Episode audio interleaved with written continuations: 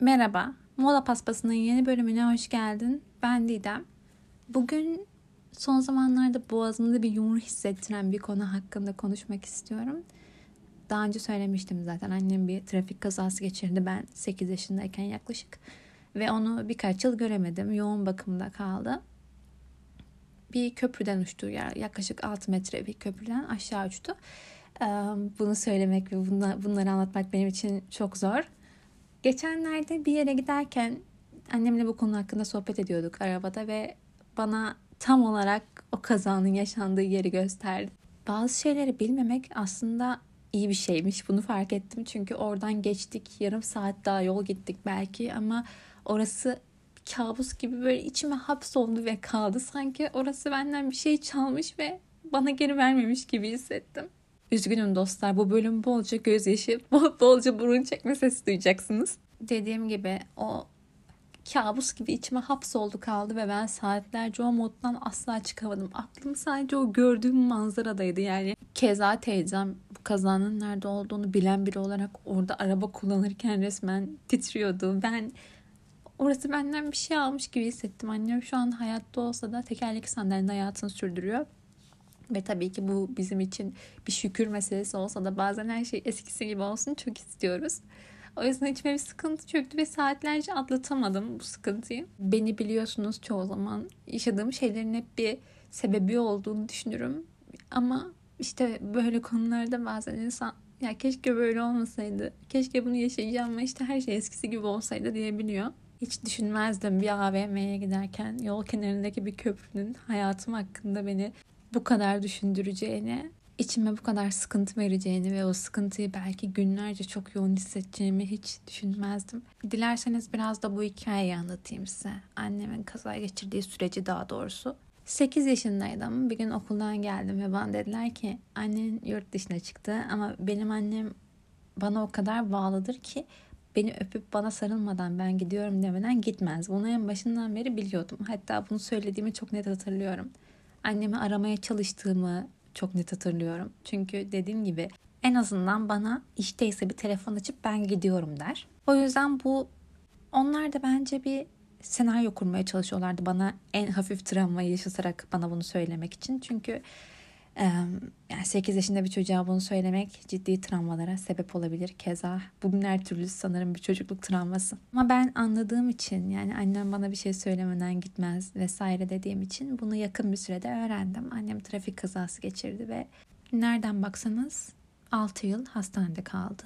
Sanırım yanlış hatırlamıyorsam 3 yılı yoğun bakım, geri kalanı servis ve fizik tedavi hastaneleri. Sol eli ve bacağı tutmuyor o yüzden şu anda da tekerlekli sandalye hayatını devam ettiriyor. Sanırım bunu söylemiştim. Annemi çok uzun bir süre göremedim. İlk gördüğümde aylar geçmişti kazadan ve açıkçası ben bunu anlatırken çok duygulanıyorum. Bir hastanede servis odasına girip annemi böyle sarı uzun saçlarıyla yatarken falan göreceğim diye düşünüyordum. Çünkü çok bakımlı bir kadındı. Dibi asla gelmezdi. Hiç dibinin geldiğini görmedim annemin. Hep sapsarıydı saçları. Esmer olmasına rağmen bakın. Ve ben 8 yaşında bir kız çocuğu olarak bir servis odasının kapısını açtım. Annemi gördüm. Saçları yok. Annem yatıyor. Yüzü şişmiş. Dudaklarını hareket ettiremiyor. O zaman felci daha ileri seviyeydi. Bu arada özür dilerim yani tıbbi terim olarak ne söylemem gerektiğini bilmiyorum. Neyse yapacak bir şey yok. 8 yaşında bir kız çocuğu servis kapısını açtı. İçerideki her şeyi çok net hatırlıyorum hala kokuyu bile televizyonda Hakan Altun vardı. Annem Hakan Altun'u çok sever çünkü. Onu izliyordu magazin kanalında. Orada bu benim annem değil diyerek kaçtım. Çünkü annem görmeye alışık olduğum annemden çok farklıydı. Saçları yok. Ve ben onu öyle göreceğimi hiç düşünmemiştim hayatım boyunca. 8 yaşında bir kız çocuğu olarak. Altını çiziyorum bunun. Çünkü sizle bir ilgisi yok aslında. Bu benim kendime kızgınlığım. Bunu hep söylüyorum. Keşke o an orada böyle davranmasaydım. Çünkü eminim karşımdaki insana berbat hissettirdim vesaire gibi. Neyse dostlar 12 yaşına kadar annemi görmedim. Yani 5 parmağı geçmemiştir 12 yaşına kadar annemi görme sayım herhalde diye düşünüyorum. Sonra annem eve geri döndü. Çok şükür sağlıklı bir şekilde yine hayatımızda onu kaybetseydim o zamanlar asla bu kadın olmazdım. O kadar iyi biliyorum ki. Birbirimizden başka kimsemiz yoktu çünkü babam da yoktu bildiğiniz gibi. Annem, teyzem, ben kendi dünyasının en mutlu kadınları olduk. Hala da öyleyiz çok şükür. Yani en azından ufak şeylerle mutlu olmayı ve hayatın ne kadar kısa olduğunu bir gün evden çıktığımızda belki geri dönemeyeceğimizin en yakın şekilde yaşadık ve dersimizi aldık diye düşünüyorum. Bu olaydan sonra ben şöyle bir özellik kazandım mesela biriyle kavga ettiğimde veya birini kırdığımda asla uyuyamam. Çünkü yarına çıkmama ihtimalimiz vardır veya yarın başımıza bir şey gelme ihtimali vardır. Asla rahat edemem. Velhasıl 21 yaşına kadar bu kazanın nerede olduğunu bilmiyordum ve böyle yaşıyordum. Ama geçenlerde gördüğümde gerçekten bir köprüye kin hissettim açıkçası. Evet burada köprünün hiçbir suçu yok belki ama resmen bir köprüye karşı kinlendim. yani ve hani ilk söylediğimiz şey şu oldu. Umarım başka biri bizim gibi bir şey yaşamaz. Evet bize çok ders verdi ama geçenlerde bir şey söylemiştim. Galiba o bölümü henüz paylaşmadım.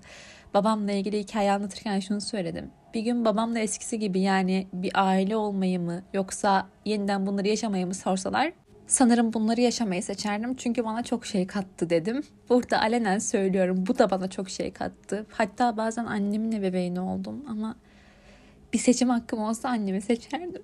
Onun sağlıklı olması kazanacağım hiçbir tecrübeden daha değerli değil benim için. Bu bölümde size şunu söylemek istedim. Aslında kısa yoldan. Hayat çok kısa. Sevdiklerinizin kıymetini bilin. Bazen biz annemle hala çok çekişiriz, çok kavga ederiz ama o benim için sonsuza kadar hayatımdaki en önemli parça olarak kalacak. Hayat çok kısa. Bir gün biriyle sarıldığımızda son defa sarılacağız ve bunu 8 yaşından beri tecrübe ediyorum. Hatta panik atağın ilk zamanlarında hep sevdiklerime bir şey olacak diye düşünürdüm. Ve bu beni çok yorardı. Bunun da sebebinin bu olduğunu düşünüyorum. Dediğim gibi lütfen sevdiklerinizin kıymetini bilin. Keza kendinizin de öyle. Çünkü beşinci kez hayat çok kısa. Hayatımın en zor hikayelerinden birini anlattım bugün. Yani bahsetmesi beni her seferinde ağlatıyor. O yüzden birazcık zor bu konu hakkında konuşmak benim için. Ama konuştum çünkü o köprüyü gördüğümde kesinlikle bunu anlatmalıyım dedim. İçime oturan his bana bunu hissettirdi. Dönerken de köprüye karşı olan kinimi bir şekilde dile getirdim ve onunla vedalaştım. Çünkü onu kalbimin ortasında taşıyacağımı biliyordum bir süre. Vedalaşmak bu süreci biraz daha kısaltır diye düşündüm. Öyle de oldu. Kalbimin içindeki sancı sadece birkaç gün sürdü. O kabus gibi hissettiren his. Sonrasında yavaş yavaş yok oldu. Bu bölümlük bu kadar dostlarım. Umarım beğenmişsinizdir bölümü. Umarım sizi ağlatmamışımdır. Çünkü ben bayağı ağladım. Kendinize çok iyi bakın. Bir sonraki bölümde görüşürüz. Hoşçakalın.